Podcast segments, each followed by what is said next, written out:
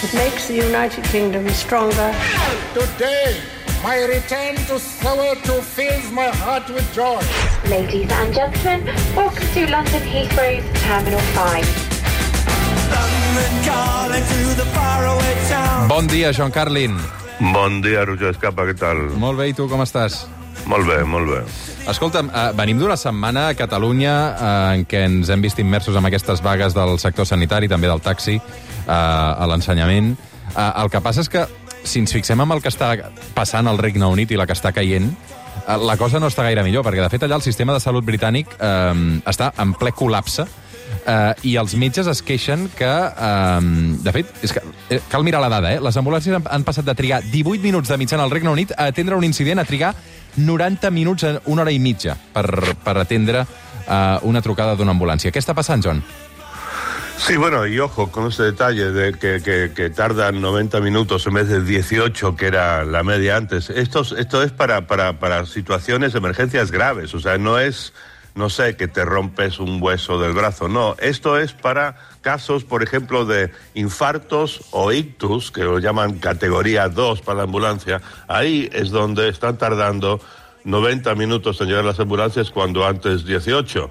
Eh, pero en general, el, o sea, yo sé que la situación aquí está complicada, pero eh, se calcula que en este momento, en diciembre, en diciembre murieron cada semana entre 400 y 500 más personas de, la media habitual en esa época del año eh, debido a los problemas en los hospitales. Eh, lo que está ocurriendo es que, por ejemplo, eh, no sé, he estado leyendo esto en la, en la, prensa británica, que llega una persona que tiene un problema eh, grave a medianoche en el hospital, no le pueden atender porque hay una cola larguísima, entonces lo que hace el señor es se mete en su coche en el parking de, del hospital, espera ahí durmiendo toda la noche para poder llegar a las 7 de la mañana para que le atiendan.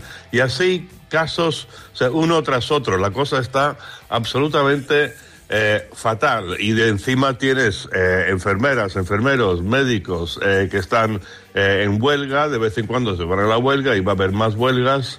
El país está en colapso general y en particular la imagen del colapso és el sistema sanitario eh, público. Mm. Clar, és que, a veure, aquestes eh, dades, 90 minuts perquè et vingui una ambulància en cas d'ictus, això és evident que es tradueix en morts, en morts i, i, i amb conseqüències gravíssimes que no es poden revertir. Vull dir sí, sí. que, que és motiu per, per una revolució, eh, John. Bueno, no sé si una revolución, pero lo que sí es eh, huelgas y sí, bueno, hay gente, o sea, entiendo que vas a cualquier hospital en Inglaterra eh, y vas a los pasillos y ves a 40 o 50 personas esperando que los atiendan eh, y que no hay señal, ni siquiera tienen un número así para que cuando les toque y gente gritando, indignada, llorando, enfermeras también y médicos también llorando al borde del colapso, se sienten fatal porque no pueden cumplir su misión. O sea, es un espectáculo eh, lamentable que por ahora no tiene señal de, de mejora, más bien todo lo contrario.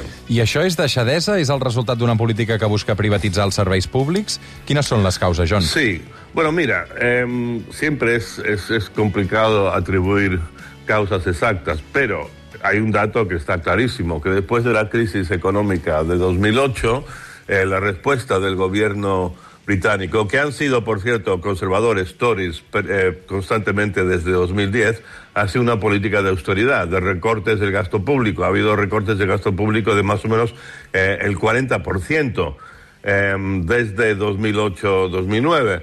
Y entonces, y esto es, son recortes mucho mayores eh, que los que se han visto en países eh, equivalentes desarrollados en, en, Europa, en Norteamérica y tal. Eh, eso por, por, un lado. Eh, por otro, tienes em, el tema del Brexit, por supuesto, que, que es un, un, disparo a los pies extraordinario, que cuando estás ya mal, ya estás ahí haciendo grandes recortes en el gasto público, la economía está sufriendo, de repente tienes la brillante idea de acabar esta relación que tienes privilegiada de comercio con tus países vecinos y crees y tienes la fantasía de que esto se va a compensar eh, llegando a acuerdos comerciales con, no sé, Nueva Zelanda, eh, que es lo que decían. Y bueno, y también, claro, el tema COVID tampoco ayuda. Y para finalizar, o sea, hablando de causas, tienes un gobierno, como acabo de decir ahora, conservador, que, que está demasiado tiempo en el poder, desgastado, desmoralizado, eh, sin ideas y con todo el tema del Brexit, como sabemos, lo hemos hablado muchas veces, cuatro primeros ministros en los últimos tres años y medio. Clar, John, uh, estic pensant que um, l'altre dia llegia el New York Times que deia que a finals de la dècada el Regne Unit uh, tindrà el mateix nivell econòmic que Polònia. Uh, això sí que és la caiguda d'un imperi, eh? Perquè que comparin el Regne Unit amb Polònia, no?